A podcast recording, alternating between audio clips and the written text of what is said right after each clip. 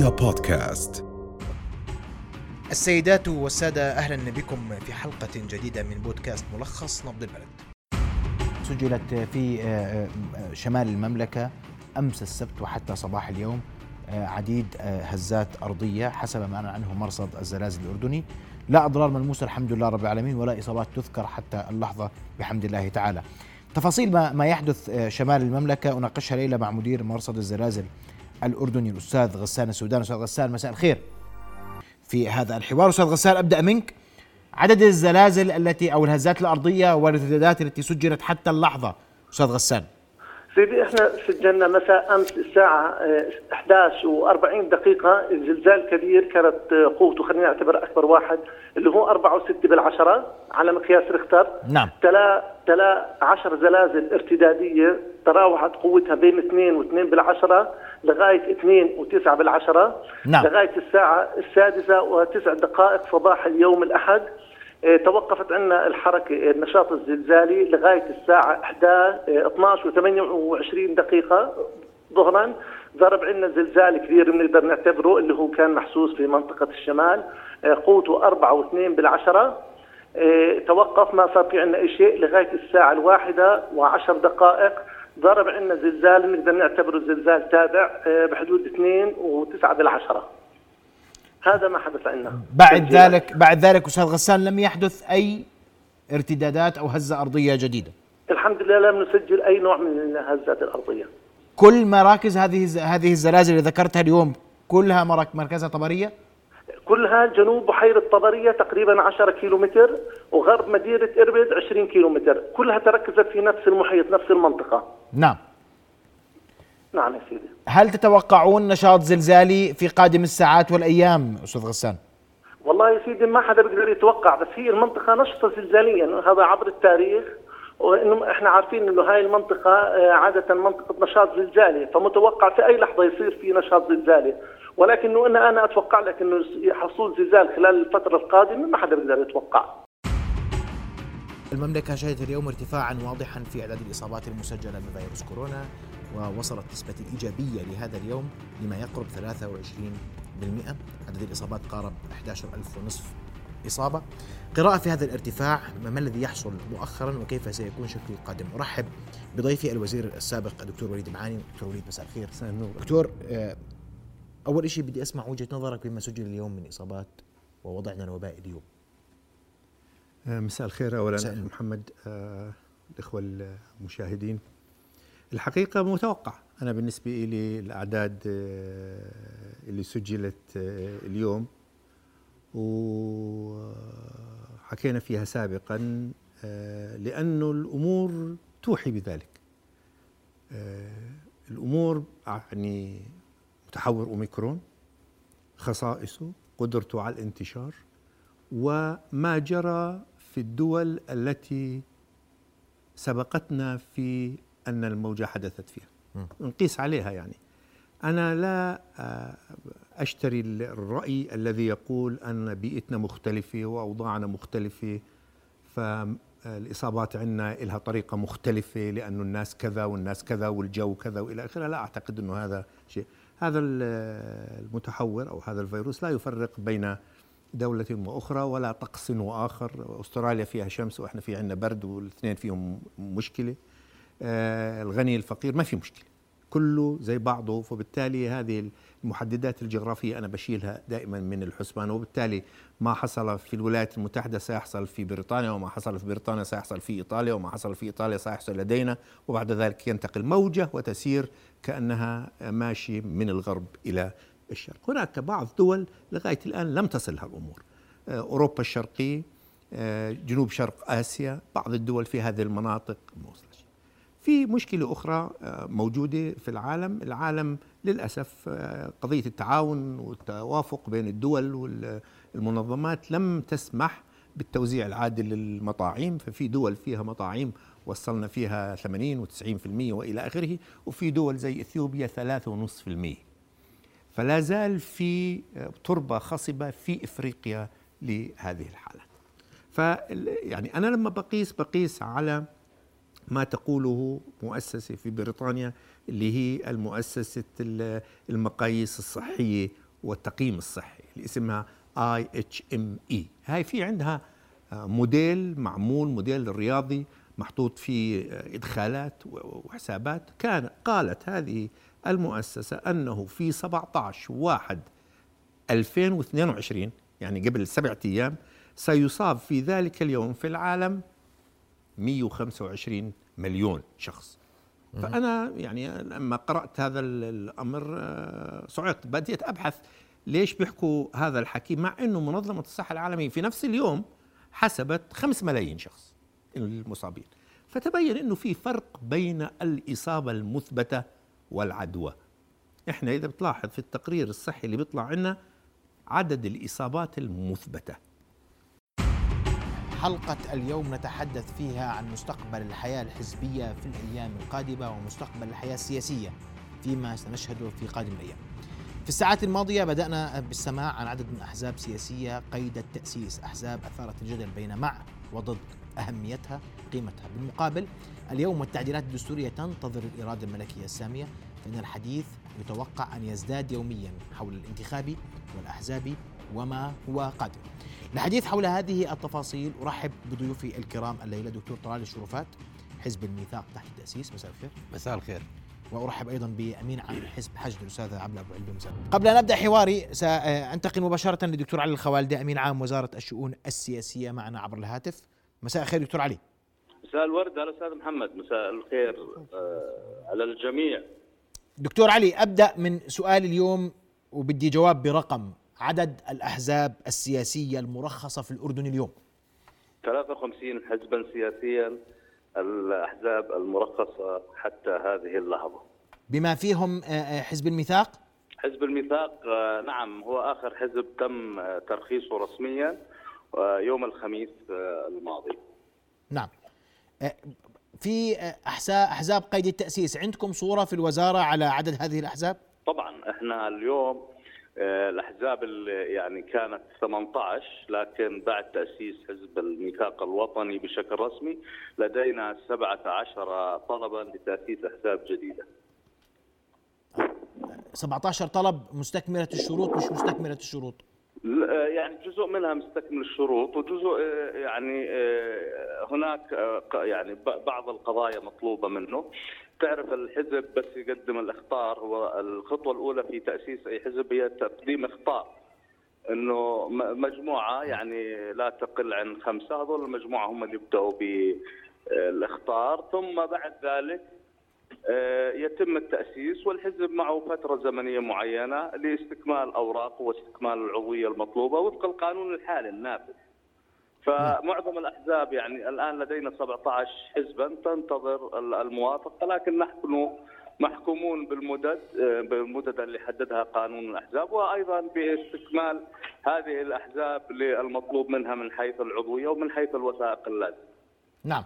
هل لديكم وجهة نظر في الوزارة بالتسجيل الحالي لعدد من الأحزاب وبالأعداد التي تسجل حاليا في الوزارة؟ إحنا يعني اولا آه، نحن نطبق القانون فنحن يعني كلجنة شؤون احزاب يعني لجنة شؤون الأحزاب هي المرجعية الأولى في تسجيل الأحزاب السياسية وتنظيم عملها آه، فنحن آه، يعني وجهة نظرنا بهذه الفترة نحن مع تسجيل الأحزاب. لا نستطيع يعني هذا حق لأي مواطن أردني وحق للجميع حق دستوري يكفل الدستور. آه، لكن بنفس الوقت آه، يعني هناك قانون جديد مقترح وهذا القانون سيناقش قريبا في مجلس النواب. ووفق التصور الحالي للقانون هناك شروط جديدة لتأسيس الأحزاب.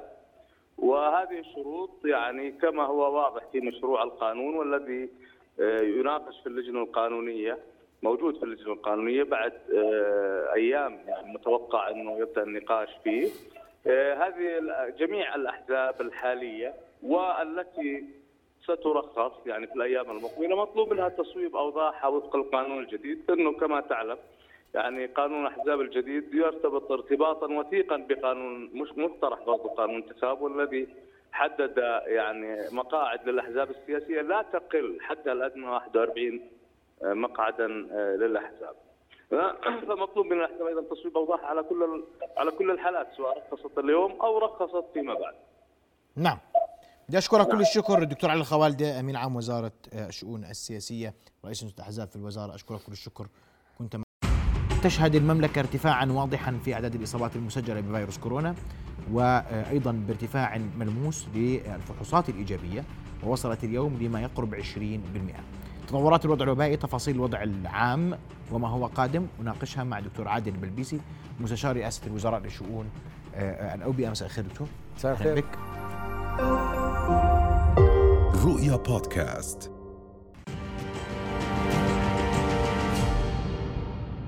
دكتور عادل بدي أبدأ من رقم اليوم. أو قبل ما أبدأ برقم اليوم طمنا على صحة الدكتور فراس أول.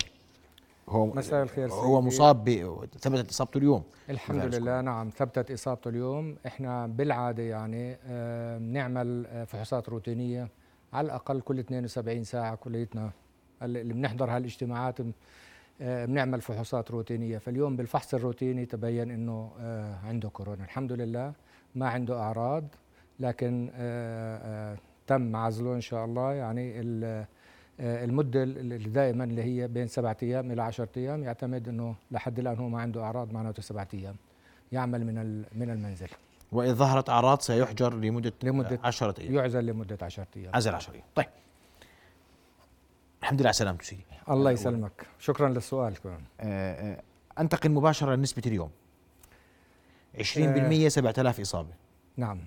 الناس بتقول 20. الله يستر. 20% و7000 نعم يعني إذا إذا لاحظنا خلينا ناخذ يمكن إحنا بدأنا بالأسبوع 49 بالموجة الثالثة وبدأنا آه، آه، وصلنا إلى آه، قمة الموجة ب 35000 إصابة بالأسبوع. مم. ثم بدأنا ننخفض إلى إلى الأسبوع الأخير سجلنا 13000 ثم في الأسبوع الأول من العام الجديد سجلنا 12000 يعني كان في عندنا انخفاض بشكل واضح بخلال هالأسابيع هاي. ثم نعم. بدأنا بالأسبوع الثاني من العام الحالي بدأنا بالارتفاع. من 12600 ارتفعنا إلى 19000 يعني آه، آه، ارت- ارتفاع واضح آه، بحدود 35% ثم ارتفعنا بالأسبوع اللي بعده إلى 35000 34900 قد الموجة قربتها قد قربتها أعلى على رقم في 35,000. الثالثة. ما ب ب تحت تماما بدي أقول لك إنه وصلنا أعلى آه، رقم سجلناه في الموجة الثالثة. إحنا وصلناه في بدا في الأسبوع الثاني من ال- من الموجة. دعا عدد من أعضاء مجلس النواب خلال جلسة النقاشين اليوم. الحكومة إلى سير قدما بإصدار قانون عفو عام جديد ذلك بعد تبني لجنة الحريات وحقوق الإنسان في مجلس النواب مذكرة إصدار العفو العام وتوقيع أكثر من 100 نائب عليه. تفاصيل ما قدم من مقترح تفاصيل آه، كيف نتعامل مع هذا الموضوع قانونيا سياسيا واجتماعيا. نطرحه علينا على ضيوفنا الكرام. أرحب برئيس لجنة الحريات وحقوق الإنسان في مجلس النواب الأستاذ رائد الرباع مساء الخير. أهلا بك. مساء الخير. وأيضا أرحب بالمحامي المتخصص رائد العداد. أستاذ رائد مساء الخير. مساء الخير يسعد مساك وسينضم إلينا أيضا الدكتور حسين الخزاعي للتعليق على الجانب الاجتماعي والبعد الاجتماعي للعفو العام. وأستاذ رائد أبدأ منك. ما الداعي للمذكره النيابية ما الداعي اليوم لإصدار عفو عام في أول سؤال شيء الناس. أهلا وسهلا. مساء الخير لك وللمشاهدين الكرام. لكن المذكرة مش جديدة يا أخي محمد.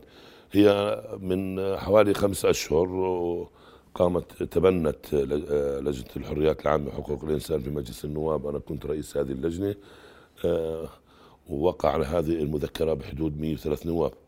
وتم تسليمها للأمانة العامة في مجلس قبل ست أشهر هذا الحكي قبل حوالي خمس أشهر مم. ولغاية الآن لم يتم اتخاذ أي إجراء عليها ويتم الآن التوقيع على مذكرة أخرى آه لعفو عن طريق آه، النائب عبد الله ابو زيد عفو خاص كأنه آه، لكن المذكرة السابقة وقع عليها 103 عفو خاص عن. مين؟ ما أنا ما بعرف هذه اللي وصلتني المعلومة اليوم يعني في في في مذكرة عفو عام مقدمة مقدمة. للمكتب الدائم؟ نعم 103 نواب موقعة من وفي مذكرة الآن يجري العمل عليها لعفو خاص. الان آه حسب تصريحات آه النائب عبد الله أبو زيد. آه عندنا يعني 103 نواب يعني ثلثين الشعب أكثر من ثلثين الشعب يطالبوا بالعفو. نعم. وإحنا أنا ما بدي أقول لك شيء، مبررات آه، المبررات اللي خلتنا نطالب بهذا الأمر. يعني مبررات العفو آه، المطالبه بالعفو العام الظروف الاقتصادية الصعبة اللي, اللي بتواجه الشعب الأردني. والكل عارف. الآن الأمور مش سهلة جدا على المواطن الأردني وخاصه خاصه أبناء النزلاء.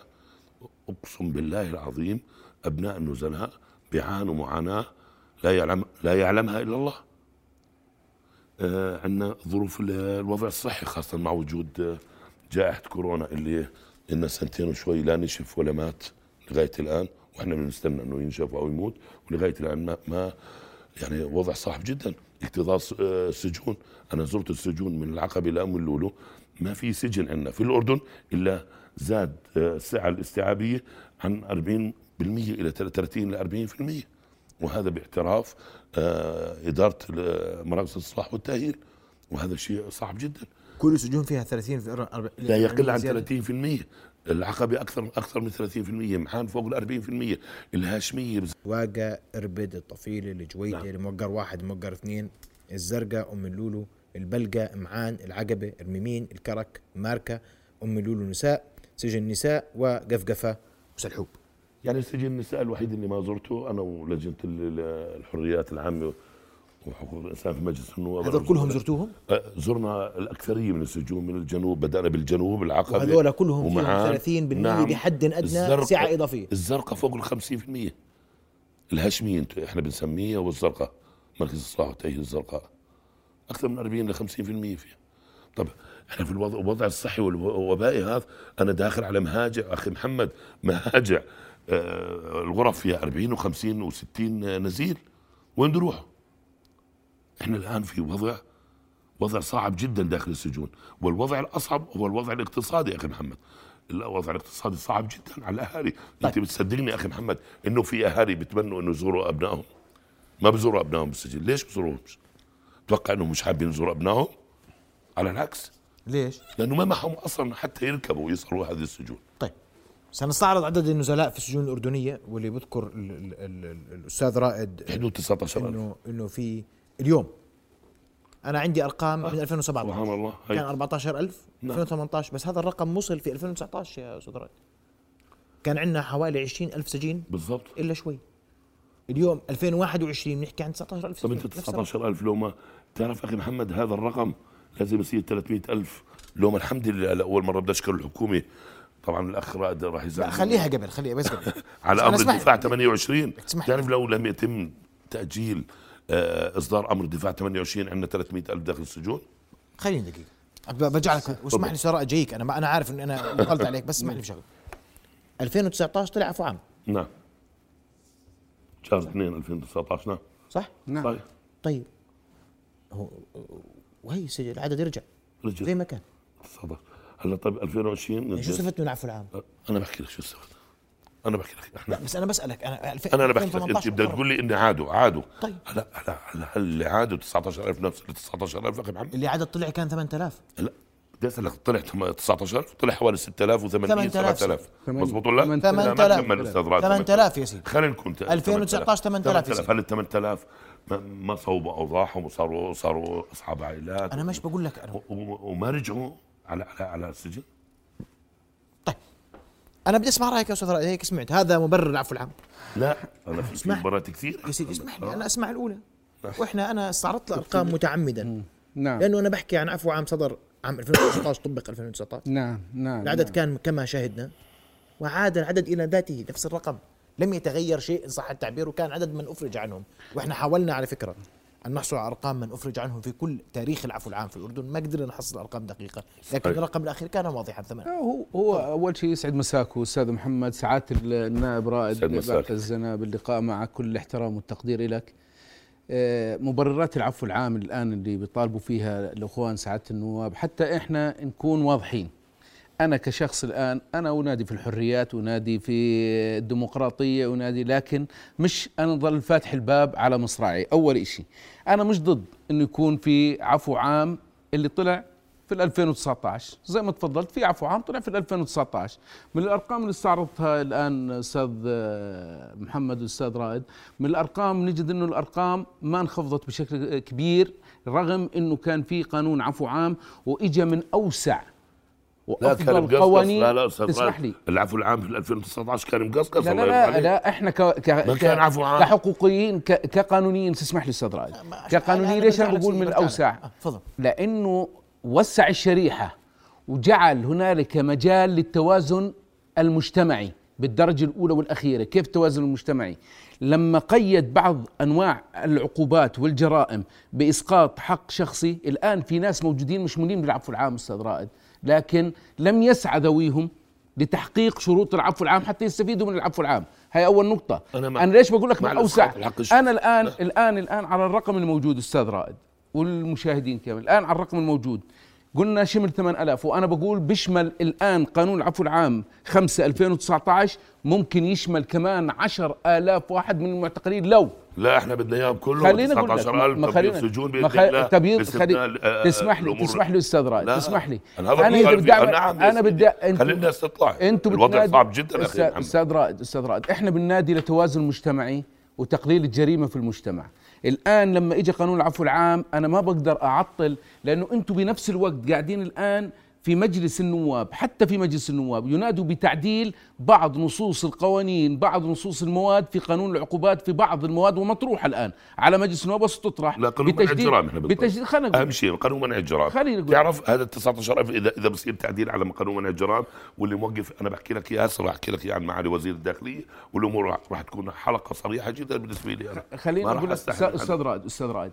أنا الآن لما أجي بدي أجي أطبق قانون العفو العام وأنتم بتنادوا الآن في قانون العفو العام. آه. درستوا أنتم بتقولوا الوضع الاقتصادي للمسجونين والمساجين في السجون والسجون؟ أنا بأكد لك إنه السجون استيعابها 130% رغم ال اللي طلع من السجون. لكن أغلب الموجودين في السجون الآن لم يسعوا وأنا بأكدها بالأغلب ها لم يسعى للاستفادة من قانون العفو العام 2019 هاي أول والله نقطة. توضح هاي أنا أوضحها. وضحها. هاي كيف أوضحها؟ أنا في قانون العفو العام عندي بحدود 12 بند أو 10 آه، ب 11 بند. إنه تعتمد على إسقاط الحق الشخصي. إسقاط أهم شيء الحق الشخصي احتفاظ إسقاط الحق بحقوق الشخصي. الآخرين. إسقاط أنا الحق معك. الشخصي إسقاط الحق الشخصي. أنا لما أجي أنا أنزل لك قانون عفو عام ويقر قانون العفو العام وتصدر الاراده الملكيه في العفو العام وأقول لك يا مواطن أنا معك. أنا حتى لأنه هاي معادلة صعبة بدي أرضي الطرفين فيها. حتى تكون أنت راضي ما تنفذ الحق العام اللي أنا صاحبه كدولة ارضي الآن صاحب الحق الشخصي. اعمل مخالصة مع صاحب الحق الشخصي. 70% 70% آه، عطوفة الأستاذ المحترم رائد 70% أنا متابع هذه الحالات خلصوا مع مع أصحاب الحقوق الشخصية. وفي 30% أنا أنا مع أنا معك صح. أنا أنا معك. بس. أضيف هاي النقطة بس أستاذ محمد. أستاذ رائد الآن- ما نقاطع إيه، عندك حق آه. في الحق الكامل. الآن الآن المبررات أنا في أي طلب لمشروع قانون من الحكومة يجب أن يكون مبررات فعليا حقيقية موجودة على أرض الواقع. بتقول الظروف خليني. أقول لك الأوضاع الصحية الأوضاع الصحية بتقول لي الأوضاع الصحية. أنا ما بقدر في دولة تحترم القانون. أنت الآن في قانون قاعد تقول تبييض سجون. أنت الآن في دولة قاعد تقول عطل القوانين. أنا شو دوله تسمح لي. أنا شو دولة أنا اللي أصدرت لك قانون عفو عام بال 2015 قد أتفق معك في بعض الأمور في قانون العفو العام عن الأمور المالية. أما الأمور مثل جرائم السلب جرائم القتل جرائم الإيذاء البليغ جرائم الكذا أجي أقول أنا بدي أبيض سجون أنا شو استفدت من عملية تبييض السجون فيها وأطلع الكل بدون قيد أو شرط؟ إذا الآن سأسعى إلى زياده معدل الجريمة عند البعض. في من الناس بيتعظ وبيرتدع وبوافق وآ- وأكبر دليل اللي هو مشروع اللي تعدل قانون المخدرات مشت الأمور وقد يحدث فيه بعض ايجابيات أنت لاحظ ارجع لل كيف إحنا لو ما عطلت الحكومة الآن ووقفت الحكومة حبس المدين. طيب ممتاز. الآن هذا هذا أمر الدفاع 28 أنا بقول لك الآن أنا قاعد بقول لك الآن. الآن كان الاكتظاظ الاكتظاظ كان الاكتظاظ هي في الديون المدنية. عشان إحنا نقول شو يعني عفو عام. إذا أنا بدي عفو عام إذا بدي عفو عفو عام بدي كيف بدي أضمن سلامة وأمن المجتمع في ظل إذا أنا كنت مواطن. لسه صار لي سنتين منزل لك قانون عفو عام ولغاية الآن أنت مش مستفيد. تفضل الأستاذ محمد الخالدي والآن الاحصائيات اللي كانت موجودة. أنا الآن عندي 19000 نزيل ل 20000 نزيل في السجون رغم وجود قانون العفو العام. 19800 آه، اليوم رغم أنا رغم وجود قانون العفو العام. هذا باستثناء عفوا باستثناء ال- التوقيف الإداري أستاذ محمد؟ لا هلا هلا لا التوقيف باستثناء التوقيف هلا الإداري؟ بحكي هذه. المسألة لسه عندنا هلا أنا التوقيف الإداري؟ أنا ما أعرف التوقيف. التوقيف الإداري أنا خذ مني معلومة تقريبية. التوقيف الإداري عارف قديش أستاذ رائد التوقيف الإداري؟ توقيف أنا ضد ضده جملة وتفصيلا كويس. أنا هاي لا أنا هذا الرأي. خليني أقول لك أنا التوقيف الإداري ما دام أن الموقوف يتم الإفراج عنه أو يتم إخلاء سبيله أو كذا يعاد توقيفه اداريا سندا لقانون منع الجرائم بدون قيد أو شرط أو بعض ضوابط تعرضنا لحادثة كانت مبررة أستاذ- لبعض التوقيفات أستاذ الإدارية لكن أنا مش معها على المطلق. في ناس لهم سنة وشهر وشهرين. مش معها على المطلق. بدون قرار قضائي؟ لا يغ... سنة وشهرين أستاذ رائد أستاذ رائد أستاذ. رائد. سنة وشهرين. رائد. وشهرين. كملوا آه. السنة بيرجعوا على عطوفه الحاكم الإداري المحافظ بيرجعوا نص ساعة من السجن. برجعهم على المركز الأمني بوقف أستاذ رائد تسمح لي عطوف سعادتك هذا لا يقاس على الاستثناء. دائما إحنا في البلد يقاس على العوام. الاستثناء لا يقاس عليه. اللي ذكرتهم انت بتذكرهم الآن إنه صار لهم سنة وصار لهم سنتين آه، سنة وس- وأكثر موقفين توقيف إداري. انظر لطبيعة الجرم.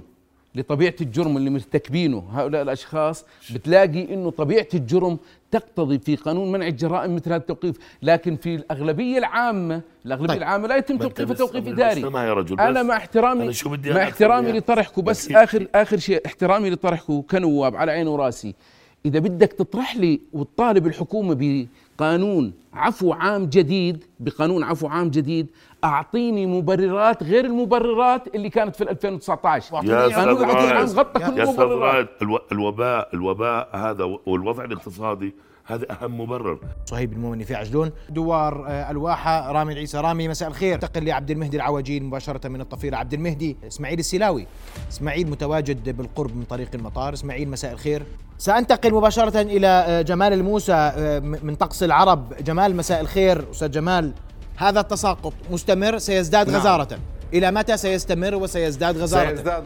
من الميدان والميدان هو الأساس في آه، هذه الحالات لإطلاعكم وأنتم في بيوتكم آمنين إن شاء الله على الحالة الجوية وعلى تطورات الأوضاع ميدانيا. أنتقل مباشرة إلى الخليل عند جمال أبو عيد أمين عام وزارة الأشغال العامة بالوكالة. مساء الخير. الصور المباشرة آه، مشاهدينا الكرام تشير إلى انزلاق بعض المركبات على طريق المطار.